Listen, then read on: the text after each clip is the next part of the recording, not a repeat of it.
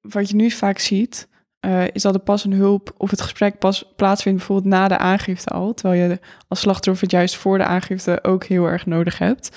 Um, en er is nu ook zeker wel pas en hulp. Alleen dit is nu allemaal nog heel erg versnipperd. En vaak herkennen slachtoffers zich daar dan niet in. Um, omdat het gericht is op bepaalde soort uh, problemen. Bijvoorbeeld de kindertelefoon uh, is heel erg gericht op huiselijk geweld. Of tenminste, dat is vaak het beeld wat jongeren daarvan hebben. En als je dan met problemen buitenshuis zit, dan denk je, oh, daar kan ik dan niet aankloppen. Uh, vier is ook gericht op specifieke thema's. En soms dan val je net een beetje tussen wal en schip. En dan weet je eigenlijk niet zo goed waar je heen moet. En uh, bijvoorbeeld bij slachtofferhulp is nu nog niet gericht op jongeren. Dus dan voel je je ook niet aangesproken. En dan zie je dat jongeren dan vaak denken van nou, ik kan nergens heen, dus ik laat het maar. Um, waardoor je dus, waardoor ze weer terugvallen in het niets doen, zeg maar. Dit is Recht van Spreken, de podcast over kinderrechten van Defense for Children.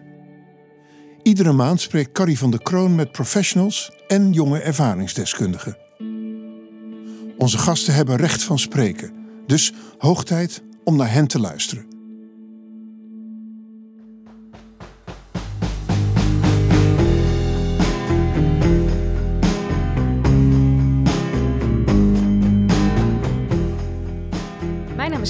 En na een hele lange tijd nemen we weer een aflevering op hier in het uh, Leidse Kinderrechtenhuis.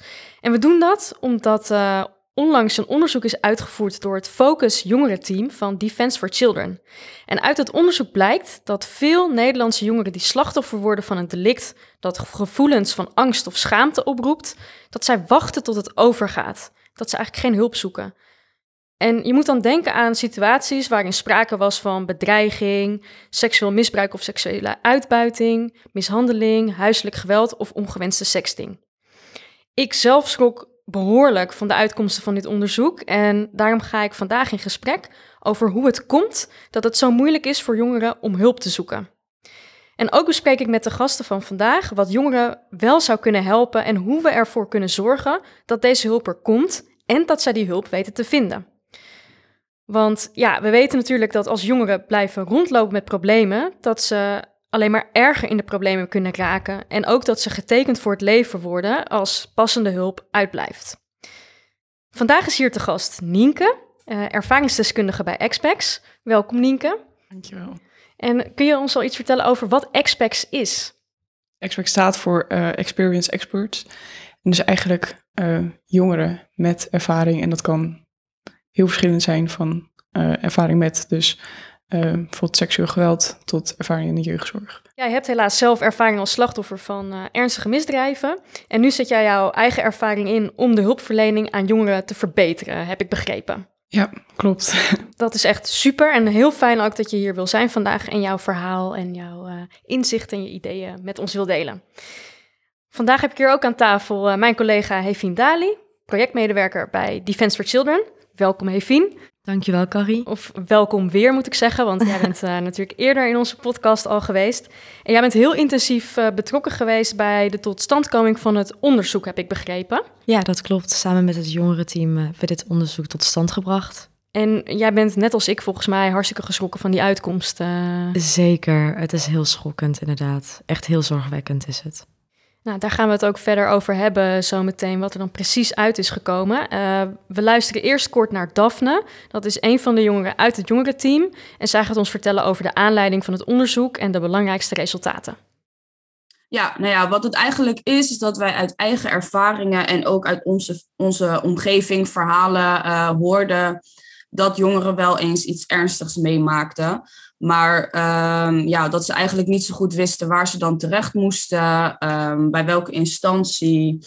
En uh, dan gaat het voornamelijk om delicten waar uh, gevoelens zoals angst en schaamte bij komen kijken. En um, er zijn hier ook geen cijfers van bekend. Uh, we hebben op internet gezocht en aan andere instanties ook gevraagd, maar zij durfden het eigenlijk ook niet aan ons te vertellen. Dus daarom zijn we een onderzoek gestart. We hebben een, uh, een enquête rond laten gaan op social media voor jongeren tussen de 12 en de 18 jaar. En nou ja, 300 jongeren hebben deze ingevuld, waar we super blij mee zijn. En nou ja, daaruit is dus het volgende gebleken.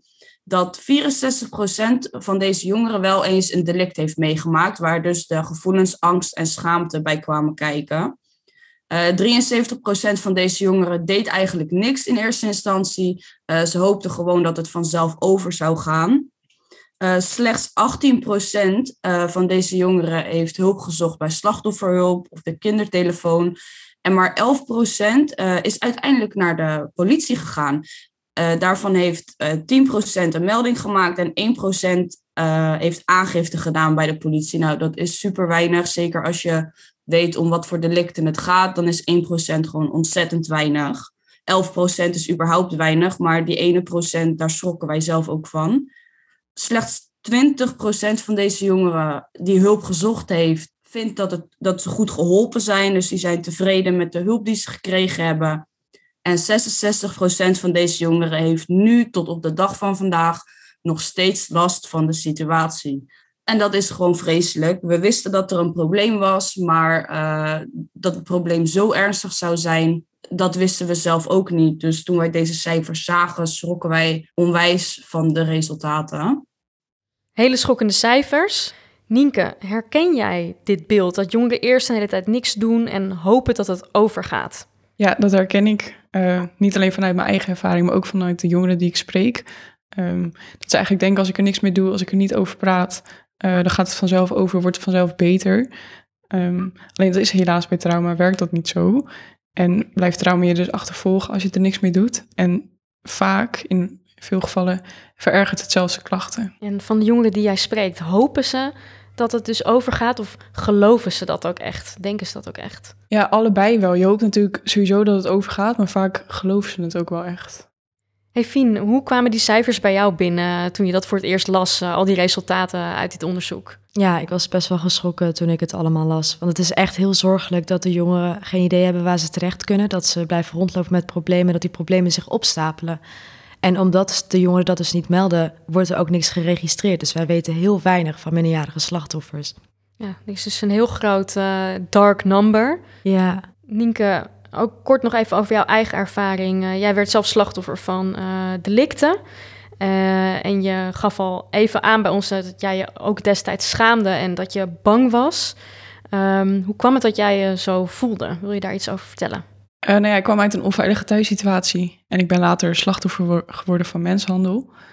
Um, dus ik was heel erg bang. Er kwam ook heel veel bedreigingen en dwang bij kijken.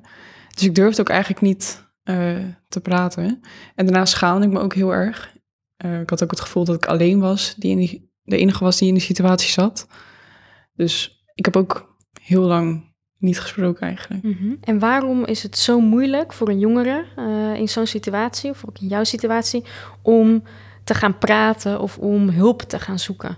Ja, omdat er heel veel schaamte bij komt kijken. Vaak zijn het dingen die echt wel heel veel impact op je hebben. En vaak heeft de buitenwereld daar ook nog wel een oordeel op. Of mhm. althans, daar kan je als slachtoffer ook nog best wel bang voor zijn dat dat zo is. Um, bij mij dan, ik dacht ook dat het onveilig was als zou ik gaan praten. Dat dan de bedreigingen die werden gedaan uit zouden komen. Um, en ik wist ook niet goed waar ik heen moest. Mm -hmm. Dat zijn een heleboel verschillende moeilijke factoren al uh, die je noemt.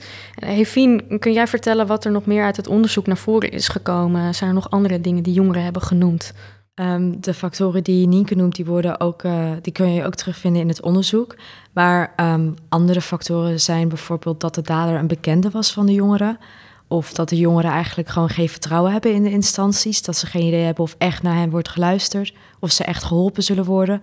Maar ook dat ze gewoon soms helemaal niet weten waar ze terecht moeten. Mm -hmm. Dus het zijn heel veel verschillende factoren. Maar ja, uiteindelijk hoort het niet zo te zijn. En horen deze jongeren de juiste hulp te krijgen. Ja, ik heb ook begrepen van het onderzoek, en ik hoor het zelf ook vaker van slachtoffers, ook de angst om niet geloofd te worden, dat mensen het verhaal niet zullen geloven. Dat is volgens mij ook nog één. Ik zie jullie knikken. Uh, dus eigenlijk heel veel verschillende uh, redenen die het zo moeilijk maken. En als, je dat, als dat tegelijkertijd allemaal speelt, dan ja, kan ik me voorstellen dat het alleen maar nog moeilijker wordt om dan die hulp te zoeken of ergens te vertellen wat er is gebeurd.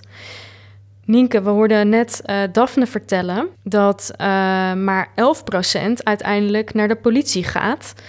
waarvan er dan 10% uh, naartoe gaat om te melden en maar 1% aangifte gaat doen.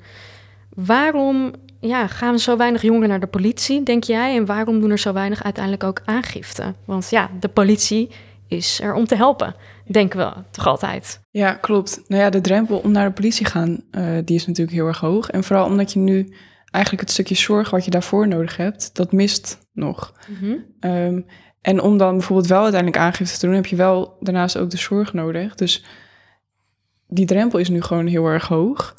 Um, los daarvan komt er ook weer dat schaamte en dat de angst om niet geloofd te worden uh, erbij kijken.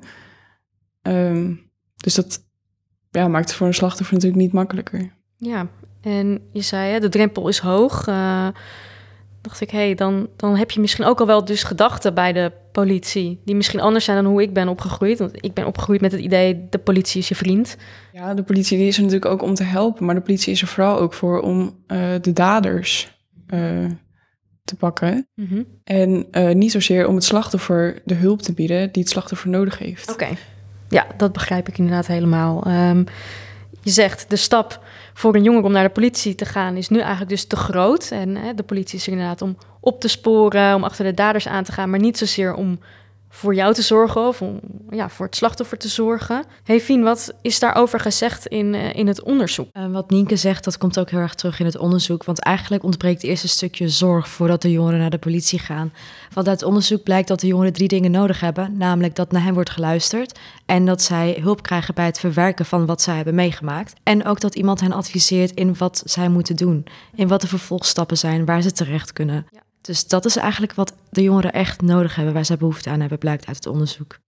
Ja. En die behoefte die matcht eigenlijk niet inderdaad met naar de politie gaan, want de politie heeft een, een andere taak. Dus Nienke, herken jij dat, die drie dingen? Dus dat er naar je wordt geluisterd, dat je wordt geholpen bij het verwerken van de situatie en dat je verteld wordt wat je kunt doen, dat je advies krijgt. Zijn dat ook de dingen die jij had gewild of die je had gemist? Ja, zeker. Um ik zelf en ook wat ik dan terughoor, is dat je eigenlijk iemand nodig hebt waar je gewoon waar je verhaal kan doen. Uh, zonder dat je dan gelijk allerlei dingen ermee moet. En ook iemand die met jou meekijkt verder in het proces van welke stappen kunnen we ondernemen, uh, wat wil jij ook. Dat is vooral heel belangrijk. Of wat heb je nodig. En uh, het zelf helemaal naar een heftige situatie is het heel lastig om te weten waar je aan moet kloppen, zeg maar.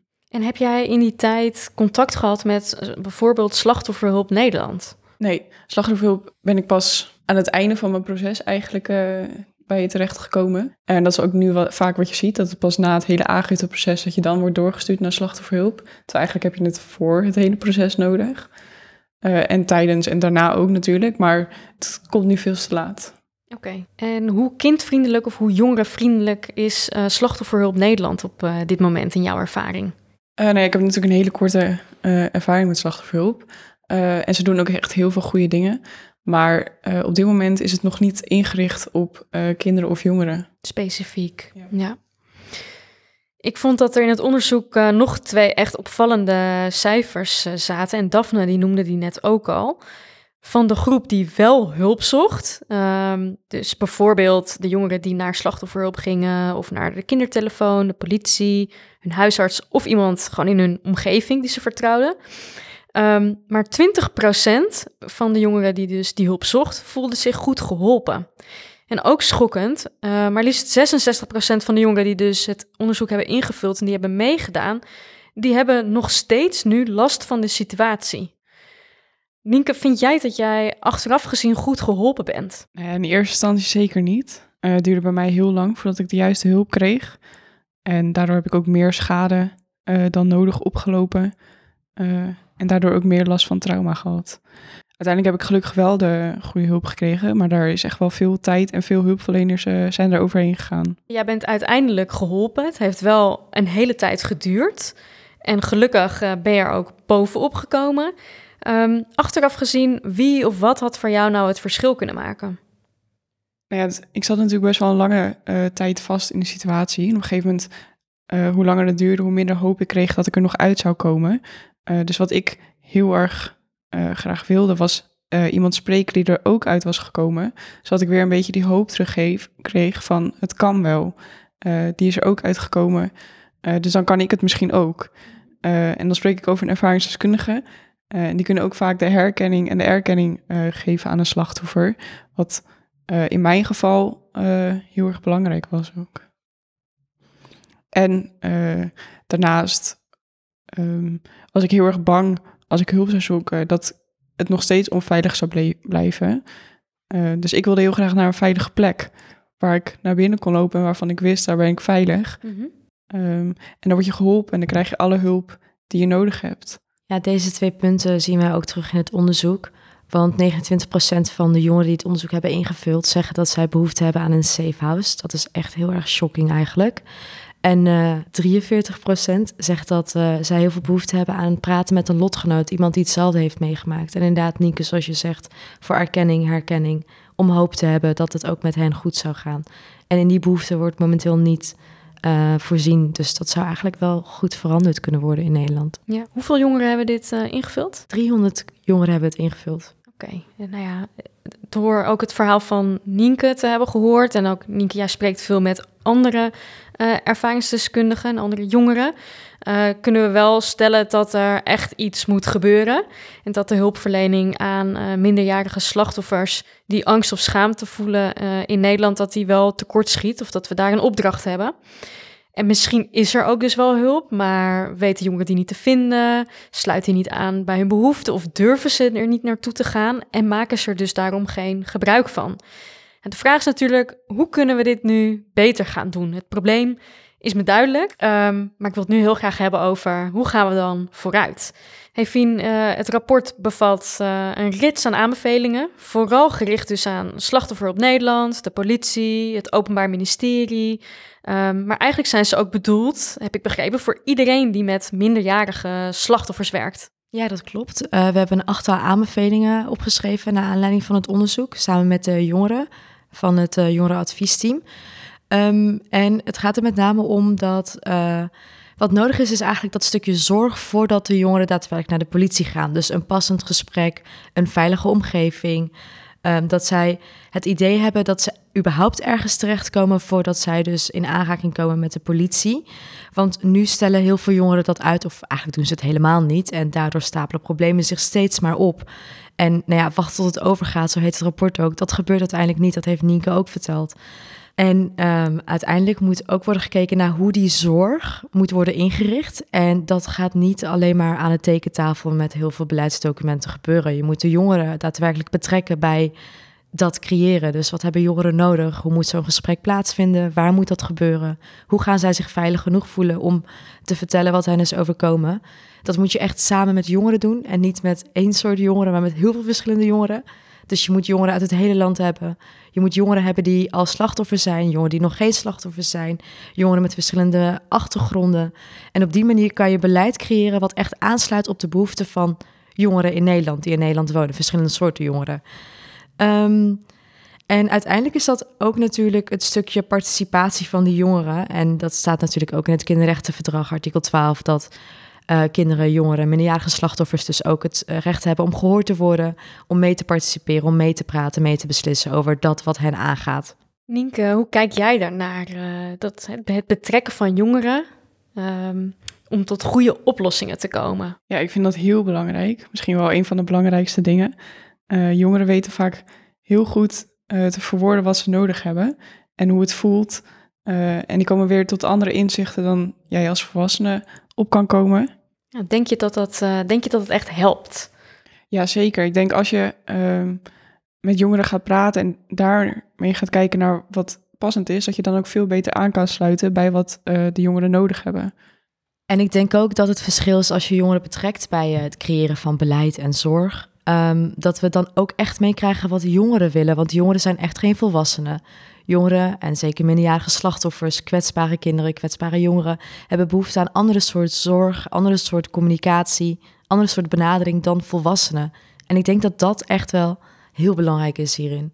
Dat is helemaal helder. Dankjewel, Evien. Een van de andere aanbevelingen uit het rapport is om een gesprek en passende hulp al in een eerder stadium toegankelijk te maken.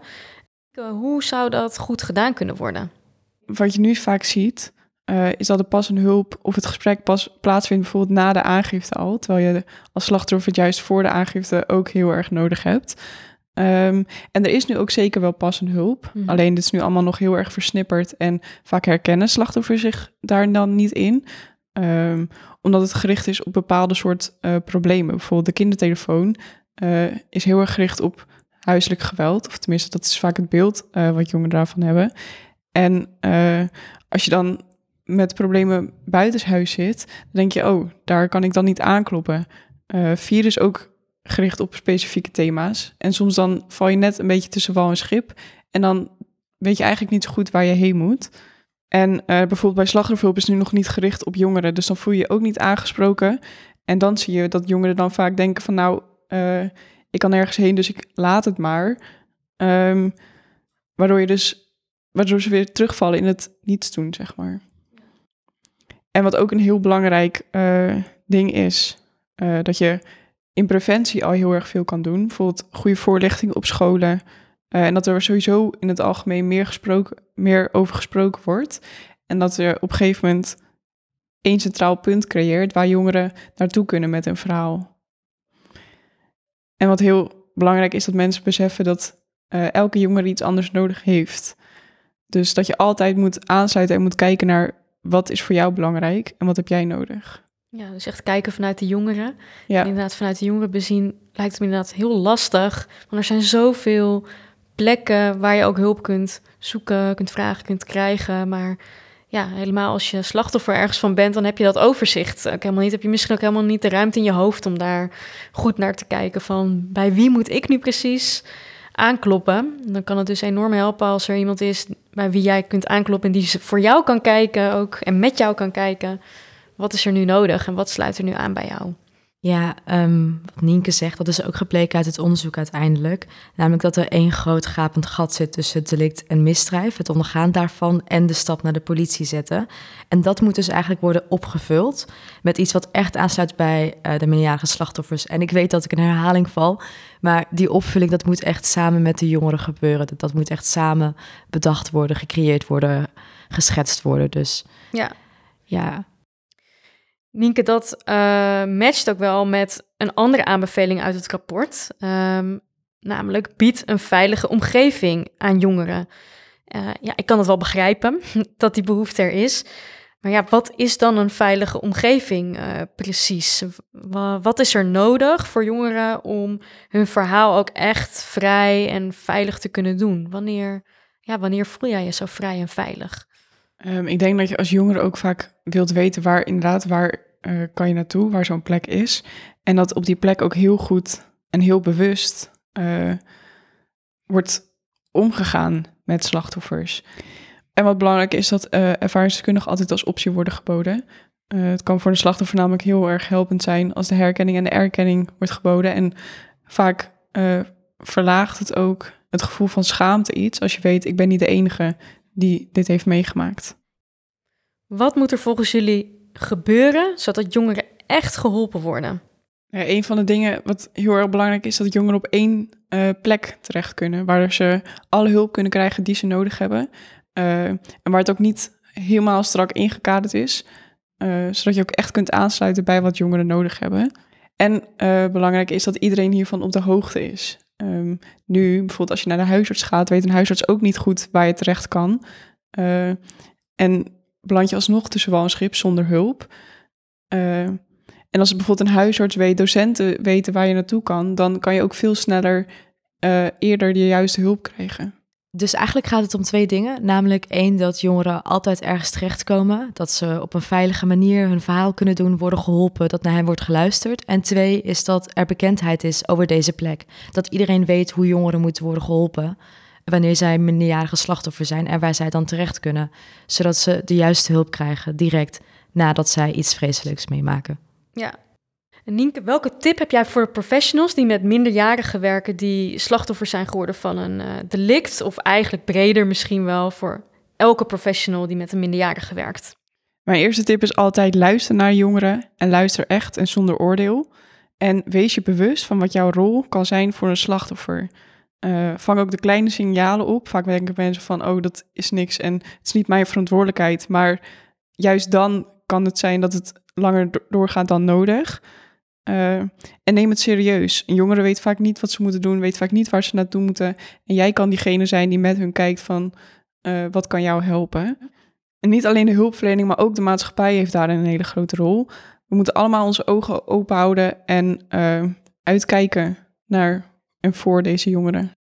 Dankjewel Nienke, we hebben een hele hoop besproken en het is mij een stuk helderder geworden ja, welke verschillende redenen jongeren kunnen hebben om angst te hebben of schaamte eh, naar aanleiding van een delict en waarom ze misschien geen hulp gaan zoeken en er niet over praten. En ook hoe ver- hoeveel verschillende redenen er wel niet kunnen zijn die allemaal tegelijkertijd kunnen spelen ook.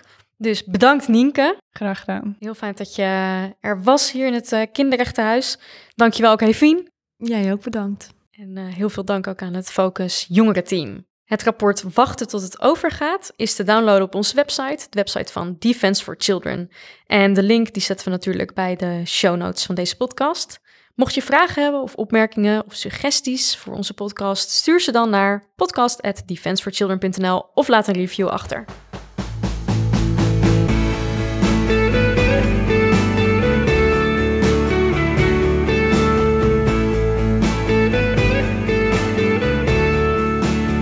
Vond je deze aflevering interessant?